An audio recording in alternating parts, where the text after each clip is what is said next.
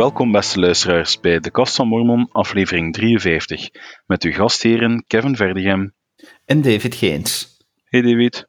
Dag Kevin. Het is uh, een weekje geleden ongeveer, denk ik, dat we onze vorige podcast opgenomen hebben. En we vliegen er weer vol enthousiasme in. Hè.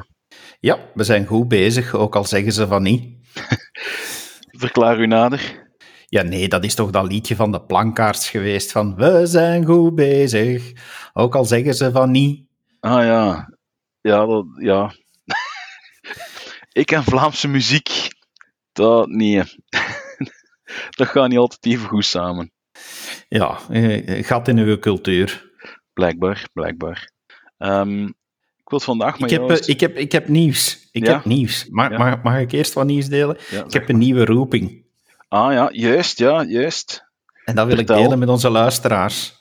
Zeg maar. Ik, ik ben uh, onverwachts eigenlijk, ik had hem, ik had hem niet zien aankomen, uh, ben ik geroepen opnieuw geroepen, uh, want ik heb het al eens eerder gedaan, als ouderlingenquorum-president. De vorige keer was het nog de gemeente Gent, waren we kleiner. Het is nu voor de wijk Gent, dus voor een, een grotere groep. Maar ja, ik ben, ik ben dus terug quorum-president. Ehm, en het voelt toch deze keer anders aan dan de vorige keer. Omwille van de wijk? Ja, het is, het is groter, het zijn er veel meer. En inmiddels is er toch ook wel wat geschoven in, de, in het takenpakket. Uh, wat een quorum-president moet doen. Ik heb nu het nieuwe aanboek er al op nageslagen. En ja, dan, dan merk je toch eigenlijk van dat, uh, dat ik als quorum-president veel meer, uh, nog, nog veel meer verantwoordelijk ben um, om de, de bisschop te ontlasten. Dat, dat het eigenlijk er quasi op neerkomt. Um, de bisschop is verantwoordelijk voor de jeugd, voor de jongeren. Uh, de ZAV-presidenten voor de zusters. En de quorumpresident uh, minstens voor de broeders en zelfs gedeeltelijk ook voor het welzijn van de zusters. er zijn er sommigen, als ik met mensen spreek en om raad vraag, die zeggen van kijk, je moet de bisschop ontlasten van alles wat met welzijn voor de volwassen leden te maken heeft. En ja, dat gaat dan toch wel, wel heel breed uiteindelijk. Dat is iets meer dan, dan ja, vroeger. Ik ben ook nog quorumpresident geweest. Soms voelt je wel een beetje de verhuisdienst van de gemeente zo. Dat is ehm, letterlijk het woord dat ik ook gebruikt heb. Dat ik dacht van, jongens, echt, ik heb geen zin om terug eh, verhuis- en, en, en reisbureau Geens en Co te worden. Ja, dus um, ik merkte dat vroeger ook het is niet altijd even makkelijk voor mensen om, om zelfredzaam te zijn. Um, en ik heb ook het gevoel dat ik toen ik mijn roeping deed, dat ik daar misschien te weinig op ingespeeld heb om mensen te helpen zelfredzaam te zijn. En meer, ja, of misschien te makkelijk zeggen van kom, we lossen dit wel op. In plaats van leden te helpen om zelf een oplossing te vinden. Ja, ik begrijp heel goed wat je bedoelt. En ik heb uh, ik, ik, ik ga hier open en eerlijk over zijn. Toen ik, uh, toen ik geroepen werd, had ik echt zoiets van: oh nee, ik wil dit niet. Ik voel me hier zo slecht bij. Uh, ik, ik had ergens de verwachting gehad, omdat ik de aankondiging had gehad van dat er, dat er iets met richting ging uitkomen. En ik had verwacht om eventueel raadgever te worden van onze nieuwe bisschop. En dat zag ik goed zitten. Dan dacht ik zo van, ja, een, een, een, lokale roeping waarmee ik mensen kan helpen, maar toch zo nog een beetje onder de vleugels uh, van iemand die, die de eindverantwoordelijkheid draagt. En die, en nu... ons eerlijk zijn, onze nieuwe bisschop, dat is iemand met veel ervaring. Die is ook al gemeentepresident geweest. Dus een broeder die al heel lang meedraait. Ook, en, en heel veel, en Bisschop Neels heeft ook heel veel liefde voor iedereen. Uh, ik ben blij dat hij het is. Ik uh, ben, ben ook al een hele tijd goed bevriend met hem, dus dat, dat geeft een heel toffe samenwerking.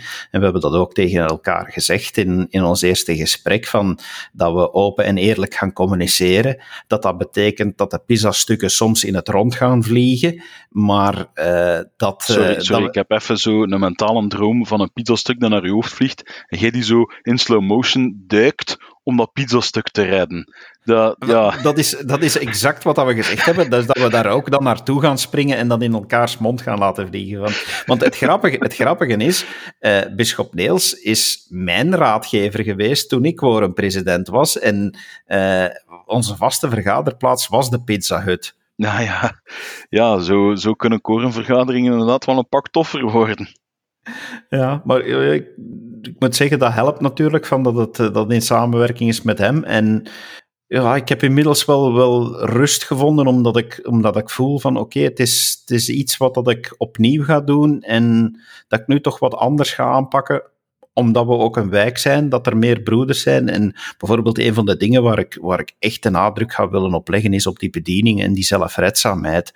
Uh, in die zin, ik wil de eerste zijn om klaar te staan om te helpen, maar het zal altijd hulp zijn met het oog op van dat, ja, dat het de bedoeling is van terug op eigen benen te staan.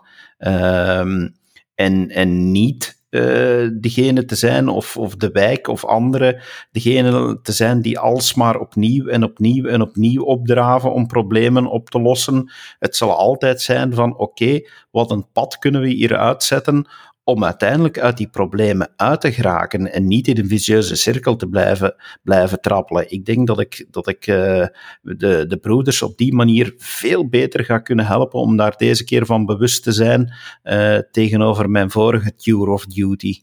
Ja, en ben je klaar voor de puzzel? Welke puzzel? Allee, David, de puzzel die elke korenpresident moet tackelen. Oh nee, oh nee, eh, de, de, de lijst van bediening. Ja, ik, die puzzel ligt heel goed. Uh, broeder Van Ees heeft, eh, heeft die puzzel heel goed gelegd, samen met, uh, met de vorige bisschop en met de ZAV-presidenten. Dus ik ga daar proberen zo weinig mogelijk aan te wijzigen. Dus bij deze ook een grandioze oproep. Verhuis niet naar de wijk Gent, zodanig dat er geen nieuwe leden zijn. U wilt niet gedoopt worden. Ja. Ja, mijn, uh, mijn huisonderwijscollega is mijn schoonbroer en die woont ondertussen ja, een half uur rijden van mij vandaan. Die is verhuisd sinds dat wij, ja, dus het is al zo praktisch niet meer voor mij om uh, op huisonderwijs te gaan met mijn collega als vroeger. Ja, nogthans, ik ga jullie niet uit elkaar halen. Van, eh, dat dat bij deze al mee van. Pas op, ik heb hem graag hoor, daar niet van. Heel, verwacht u binnenkort maar aan een bedieningsgesprek. Nou, nee, dat, gaan we niet live op, dat gaan we niet live op, nee, op, op de podcast doen. Nee, maar uh, nee, het, is, het, is, het, is, uh, het, ja, het is een uitdaging. Ik moet eerlijk zeggen van, ik vind het deze keer een veel zwaardere uitdaging dan de vorige keer. Uh, ik ben me veel bewuster van, van het takenpakket dat voor mij ligt. En ehm, ja, het zal, het zal een boeiende uitdaging worden, maar het is weer zo typisch voor, voor onze kerk. Ja, geen enkele roeping is voor de eeuwigheid. En op het moment dat je begint comfortabel te voelen in iets, wakka, dan uh, krijg je het volgende op je, op, op uw kop gesmeten. Hè? Dat je zo eens even denkt van, yikes, waar komt dit nu weer vandaan? Maar ik ga daar even de tie-in doen naar ons onderwerp voor vandaag. Hè, naar uw kop gesmeten krijgen of op uw kop uh, krijgen. Um, ik wil het vandaag met jou eens hebben over mentale gezondheid. Uh, een onderwerp dat in deze laatste dagen um, toch ook wel veel onder de aandacht is gekomen van onze kerkleiders. Ik weet niet of je dat hebt opgemerkt, maar um, ik heb vandaag nog naar jou een berichtje gestuurd met een quote van Dag Tellen Chokes. Um, was het Tellen Chokes? Ja, zwart, ik wil er vanaf zijn. Ja. Um, omdat hij ook aanwijst op de anxiety. En ik vind het zo moeilijk om daar een, een deftig Nederlands woord voor te hebben voor anxiety, omdat anxiety niet zomaar angst is. Het is meer een algemeen gevoel van ongerustheid. En ja, het is niet echt bang. Het is, ja, ik heb er moeilijk een, een woord voor. Maar ik kan u garanderen dat de mensen die er last van hebben wel weten wat het is. Ik vind dat we eerst een full disclosure moeten doen, wettelijk gezien. Ah ja, oké. Okay. Ja? De full disclosure is dat wij alle twee 100% gecertificeerd gek zijn.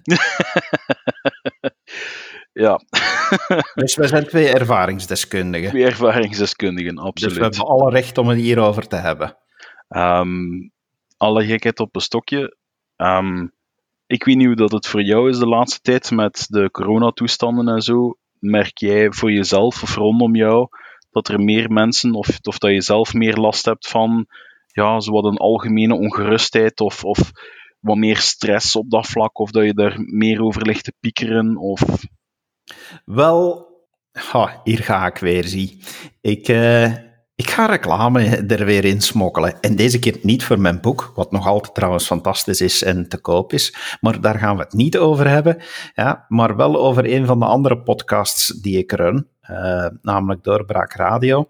En daar komt een van de komende dagen, ik heb het gesprek net gehad, uh, een, een gesprek dat ik heb gehad met professor Maarten van Steenkisten. Hij is uh, professor in de motivatiepsychologie. En we hadden het hier net specifiek over ja, de ruime omgeving van de vraag die je net stelt. Ja, hoe, hoe zit het nu eigenlijk met onze veerkracht en ons mentaal welzijn in deze corona-periode? Uh, 2020 wordt alom geprezen als het rampjaar, waarin dat er al zoveel is misgegaan dat mensen toch echt wel een algemene ja, neerslachtigheid uh, van, van hebben. Hè? Ja, en ik zeg het van. Uh, ik, kan zeker aanraden van uh, als, als die podcast uh, er binnenkort is en wie er echt in geïnteresseerd is om daar ook naar te luisteren, want dat is heel wetenschappelijk onderbouwd en ik kan het niet zo goed uitleggen als de professor zelf. Maar het komt erop neer dat er ten eerste al een groot verschil zit in de eerste lockdown tegenover nu deze tweede golf. Uh, dat we het nu veel moeilijker hebben uh, en zullen krijgen omdat, en daar ook weer verschillende redenen, omdat het al de tweede keer is en dat het dus nu zoiets is van, oei, ja, blijft dit duren? Gaan we hier wel van afgeraken? Dus het gebrek aan perspectief weegt heel zwaar, zei de professor. Um, en hij, hij raadde daar ook voor, eigenlijk aan de overheid, uh, een van zijn raadgevingen was dat de overheid heel duidelijk perspectieven zou stellen. Hij, hij vond het bijvoorbeeld heel jammer. In Vlaanderen is er sprake geweest van een coronabarometer waarmee dat je heel duidelijk wist, ah, we zitten nu, als er zoveel besmettingen zijn per 100.000, zitten we in die kleur en dan in die kleur en dan zijn dat de maatregelen. Maar hij zei ook van het grote voordeel is dat je ook weet van dat als je terug aan een betere uh, grens komt, dat je dan ook weet wat de versoepelingen zijn. En nu merk je dat die barometer die wordt afgevoerd, omdat men enorm veel schrik heeft dat men de vorige keer veel te snel versoepeld heeft. Maar volgens die professor heeft men daarmee ook wel een heel belangrijk element van de mentale gezondheid afgevoerd, zijnde het perspectief op beterschap, op, op uitzicht. En dat net in een periode dat we ook de winter ingaan, dat we veel minder eh, nog naar buiten gaan kunnen s'avonds, dat het veel minder evident wordt om ook nog eens s'avonds een wandeling te gaan doen, uh, waardoor dat we minder bewegen, nog meer tussen ons vier muren gaan zitten. Um, dat we dat meer gaan doen omdat we meer schrik hebben gekregen en meer schrik zijn aangejaagd door de overheid, die het allemaal heeft over strenge maatregelen en gestrengheid. Um, terwijl hij zegt van ja, er zou meer moeten gesproken worden over risicobeperkende maatregelen. En dat alles uh, ging volgens hem heel zwaar wegen, wegen op, ons, uh, op onze mentale gezondheid. Ja, ik dacht dat ik in, in die lijn ook um, onlangs een, een mening gelezen heb op doorbraak.be van iemand die het vanuit religieuze kant bekijkt. En hoe dat kerk of, of geestelijk bezig zijn met dingen, um, en dan bedoel ik echt wel godsdienstig, ja, dat dat ook als een noodzaak zou moeten gezien worden. Uh, die man omschreef het ook, ik weet niet of je het zelf ook gelezen hebt, um, die zei ook van ja, de, mensen hebben die houvast nodig. Um, iemand zei onlangs tegen mij ook van ja, zegt hij, de, de, de overheid maakt zich eigenlijk geen zorgen, waarschijnlijk in ja, mensen die op veilige afstand en met een hele hoop maatregelen in een kerkgebouw samenkomen, um, die tussen aanhalingstekens vier man aan een paardenkop, um, zegt hij, het zijn meer de mensen die de feestjes gaan houden en die um, ja, toch nog snel toch nog een keer naar de winkel gaan voordat de lockdown begint. Of snel nog eens daar naartoe gaan. En eigenlijk ja, de golf nog wat versterken vooraleer dat die breekt. En ik kan die man daar ergens in volgen dat hij zegt van ja, eigenlijk het, het hele concept van geestelijk ook kunnen bezig zijn, met godsdienst kunnen bezig zijn, die houvast hebben, dat dat heel veel te maken heeft met mensen hun mentale gezondheid ook. Om verschillende redenen trouwens. Uh, ten eerste, alles wat met religie te maken heeft, brengt een zekere structuur met zich mee.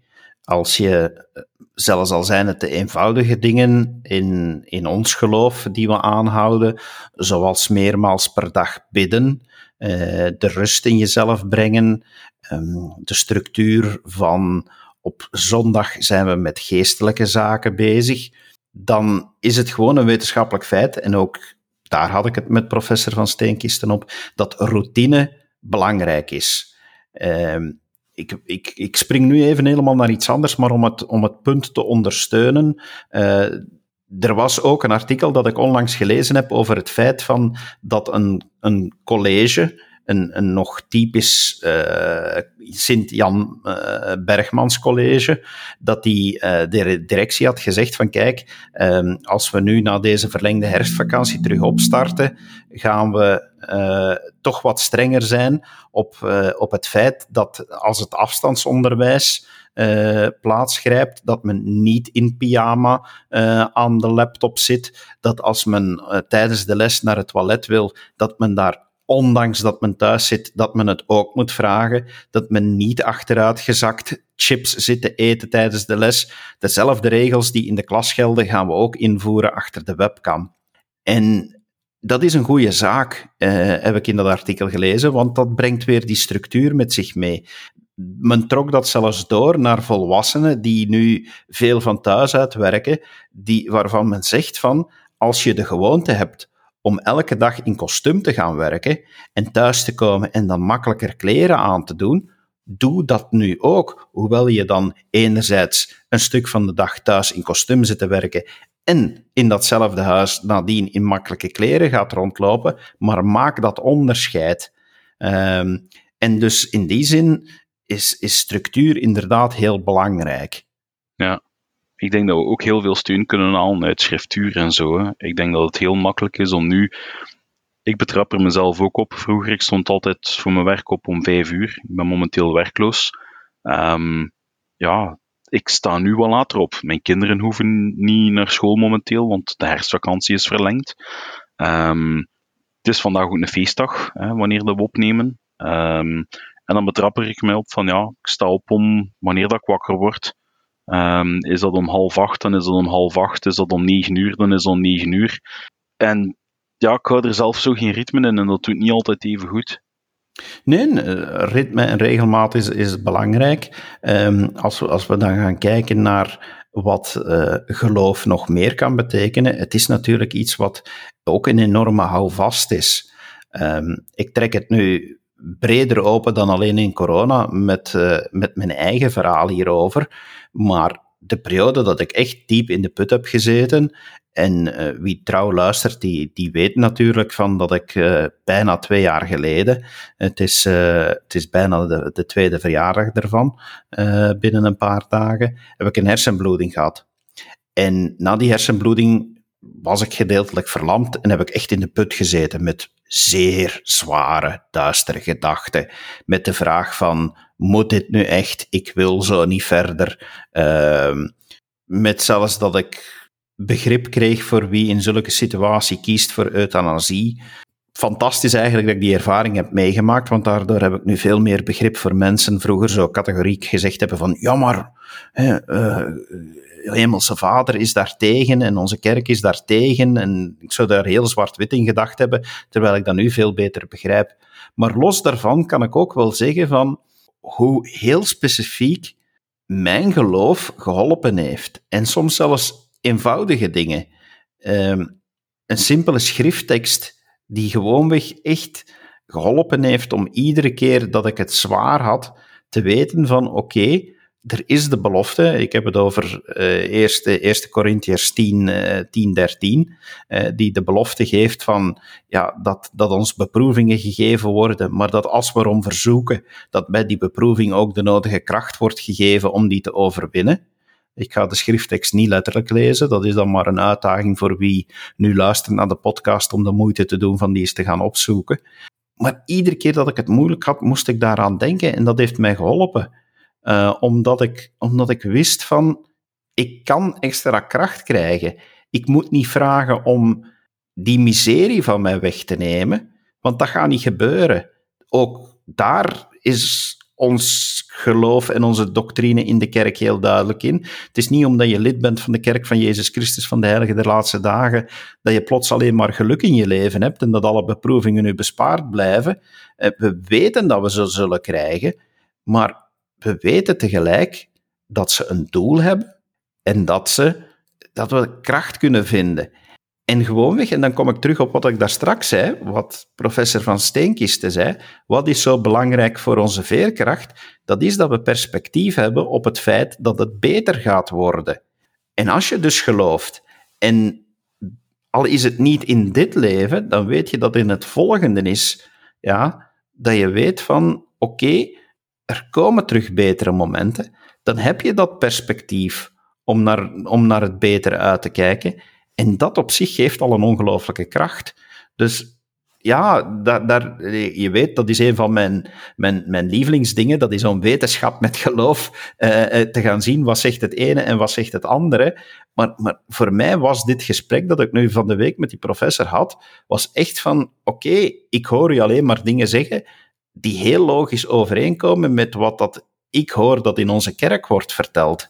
Kijk naar dat eeuwige perspectief ook voor diegenen die met mentale issues zitten, die, uh, die moeten niet gaan denken dat ze gestraft worden, dat dit het gevolg is van zonde of dat ze niet goed genoeg zijn. Dat heeft er zelfs allemaal niks mee te maken. Het is een uitdaging. Het kan een zeer zware uitdaging zijn, maar het is daarom niet je schuld. En ook dat besef al kan enorm helpen.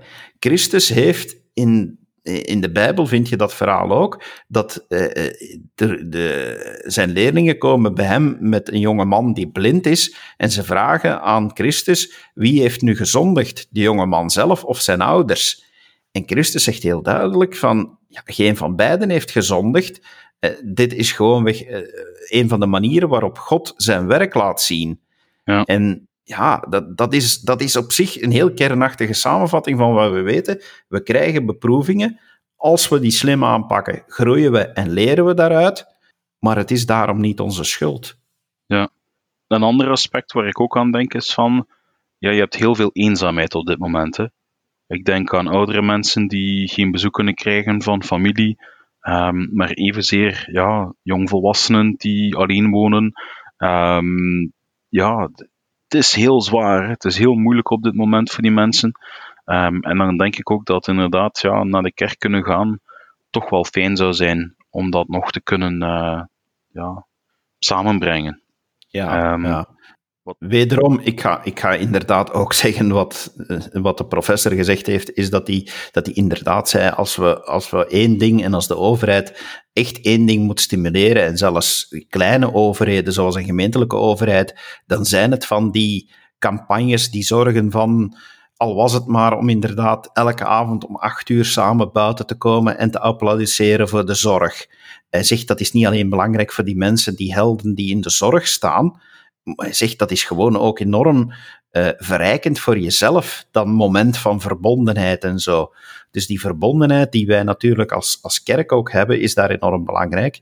En ja, dan, dan, dan, grijp ik terug op wat ik in het begin zei, van als quorumpresident uh, gaat dat nu een van mijn dadas zijn, van zolang als deze crisis uh, duurt, ga ik constant oproepen om iets te doen aan die verbondenheid. Ik heb vandaag, en ja, aangezien jij ook in de wijk Gent zit, heb je dat gezien, hè, want je bent in, een van de broeders in, in, in ons quorum. Ja, heb je gezien dat ik vandaag in ons WhatsApp-groepje uh, een meme, die ik zelf gemaakt heb, heb gedeeld met de vraag, met een stukje huiswerk.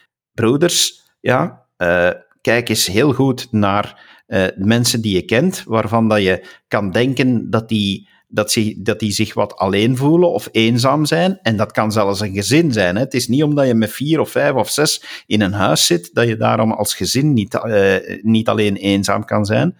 Maar pak, verdekken me toch vandaag, dan is die een telefoon vast en bel eens of stuur een berichtje. Ja, ik, ik zou het liefst hebben om uh, vandaag in, in die WhatsApp-groep vier, vijf verhalen te horen te krijgen van broeders die dat, dat gedaan hebben. En, en ik hoop echt dat, uh, dat mijn collega's, quorum-presidenten van alle wijken in onze ring en van de andere ringen waar men naar onze podcast luistert, dat die dat ook allemaal vragen aan, aan broeders van, ja, uh, niet stilzitten. Niet stilzitten. Gewoon briefjes sturen, kaartjes sturen, berichtjes sturen, telefoon vastpakken doe dat nu. Dit is zo nodig, die verbondenheid. Um, en dat is, dat is gewoon puur de liefde van Christus die we, die we moeten tonen. Hè? Ja, nee, daar heb je 100% gelijk in. Um, misschien, ja, om, om het, want we zijn ondertussen al een klein half uurtje bezig, om tot het laatste puntje te komen. Ik denk dat we ook niet mogen onderschatten dat er mensen zijn die ja, nog andere mentale problemen hebben bovenop alles wat er nu al gaande is rond corona. En ik denk dat we um, ook niet mogen schuwen om uh, die mensen ook aan te raden om waar mogelijk professionele hulp te zoeken. Um, ik geef dat grif toe, ik maak daar zelf ook gebruik van.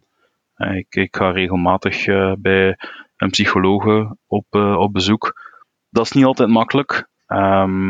Ja, om open te zijn over jezelf en toe te geven of te praten over je verleden of zo. Maar ja, soms is dat nodig en het helpt ook. Um, ik denk dat het te veel, um, hoe moet ik het zeggen, in de maatschappij nog altijd als een zwakte gezien wordt en als, een, um, als iets dat minder zou zijn of minder waardig om voor geestelijke problemen professionele hulp te gaan zoeken. Daar is geen schaamte in. Uh, ik denk dat dat een stigma is waar we als maatschappij echt vanaf moeten. Um, er zijn problemen waar dat je op jezelf niet zomaar uitraakt uh, zonder hulp. En dan mag je dat ook niet schuwen om daarnaar op zoek te gaan. Um, Volledig mee eens. Als we twee dagen buikpijn hebben, gaan we naar de huisarts.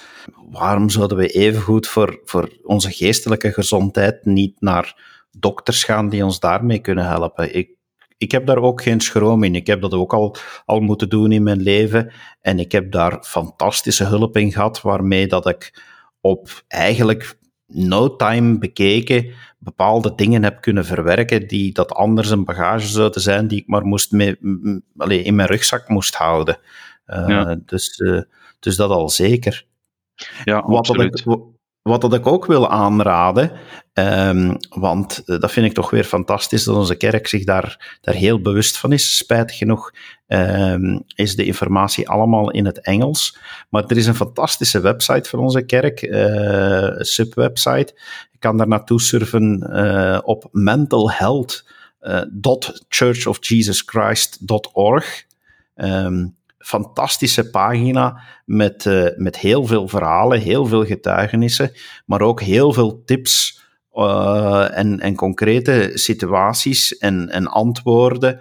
Uh, hoe je met bepaalde zaken kan, kan omgaan. En er staat bijvoorbeeld een heel stukje in: Help for Parents and Families. Want het is natuurlijk één ding om zelf in de problemen te zitten, maar het is natuurlijk een ander ding om familie te zijn van iemand die in problemen zit, want dan word je ook geraakt en dan wil je kunnen helpen. Dus er staan, staan heel veel antwoorden op. Of, uh, ja, ik zie zeker... hier om een aantal titels aan te halen. Uh, help voor, uh, hulp voor ouders en families. Bijvoorbeeld, het is moeilijk om mijn geliefde zo te zien ja, moeilijkheden hebben. Hoe kan ik hen helpen? Of um, mijn geliefde um, is, is ja, depressiever dan, dan normaal. Zou ik mij zorgen moeten maken? Um, of ik, ik ben doodmoe van altijd bezorgd te zijn. kan ik voor mezelf zorgen en, en toch ja, anderen tot steun zijn? Het zijn zo'n aantal toch wel grote en belangrijke thema's, vind ik. Ja, en zeker voor onze uh, collega's, leiders in, in de kerk, staat, er, staat er ook een heel stukje help voor, voor de leiders. die, die zouden moeten zeggen van ja, hoe kan ik als, als leider in, in, mijn, in de kerk daarmee omgaan? Wat, zou, wat kan ik zeggen? Wat moet ik, wat moet ik vermijden? Het is, het is een heel, interessant, uh, heel interessante webpagina met heel veel nuttige informatie. Zeker aanrader als je, als je hulp zoekt. Um, en natuurlijk, ik vind ook altijd, als er nu mensen zijn die luisteren en die, die echt nood hebben, die op dit moment in acute nood zitten, als je lid bent van onze kerk, ja, praat zeker met, met degenen die, die aangesteld zijn om je te helpen je quorumpresident, je ZAV-presidenten. Je bedienende broeders of zusters. Uh, bedienende broeders of zusters, uh, de bisschop. Ze zijn er ook allemaal om te helpen. Maar ook, uh, er is geen enkele schroom om, ja, wie nu echt heel acuut met duistere gedachten zou zitten, ja, alsjeblieft, er is een schitterende, zijn, zijn schitterende initiatieven, zowel in Vlaanderen als Nederland, met zelfmoordhulplijnen. aarzel niet om daar naar te bellen, hè, van ja, ja in Vlaanderen is dat uh, eh, 107, dacht ik. Ik weet het van buiten niet. Ja. Maar het, uh, het, mag zeker geen, geen aarzeling opleveren om, uh, om, om hulp te zoeken. Ik denk dat dat de eerste stap is als je met mentale gezondheidsissues zit, is, is om daar werk van te maken, is om hulp te zoeken.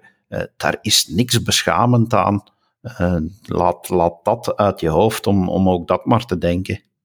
Ja, absoluut. Het nummer in Vlaanderen trouwens is 1813.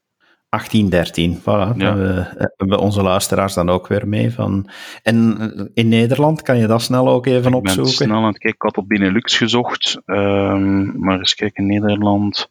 Um, zelfmoordhulplijn. Live hulpverlening, voor wie het nodig heeft. Um, ehm, 113.nl blijkbaar. 113.nl. Oh ja, .nl, maar 113. Um, staat hier bel 0800 0113 of chat via 113.nl. Ja. Dat weten sommige mensen die misschien uh, heel acute nood hebben. Maar uh, voor leden van onze kerk kan ik, kan ik zeker aanraden om, om ook eens die pagina die we net genoemd hebben, mentalhealth.churchofjesuschrist.org te bezoeken. En uh, zeker, maar zeker te praten met, uh, met de mensen uh, in de kerk. Die, en zeker niet nalaten om met de ultieme hulp te praten. Christus, onze hemelse Vader, bidden bidden en ook niet te aarzelen om om een zalving te vragen. Ja, een zalving is niet alleen voor diegenen die dat uh, fysiek lijden, maar is zeker ook van toepassing voor diegenen die geestelijk lijden. Ja. Uh, ook dat mag eens duidelijk gezegd worden. Ja, de anders bezochten wordt in het Nederlands gezegd, die otherwise afflicted in het Engels. Um, maakt deel uit van de, van de woorden die we daarin, uh, die we daarin zeggen. Hè. Ja, ja zeker, uh, zeker een krachtpunt. Het feit van dat, we, dat we met zoveel broeders zijn die het priesterschap dragen en die een zalving en een zegen kunnen geven, niet aarzelen om daar naar te vragen.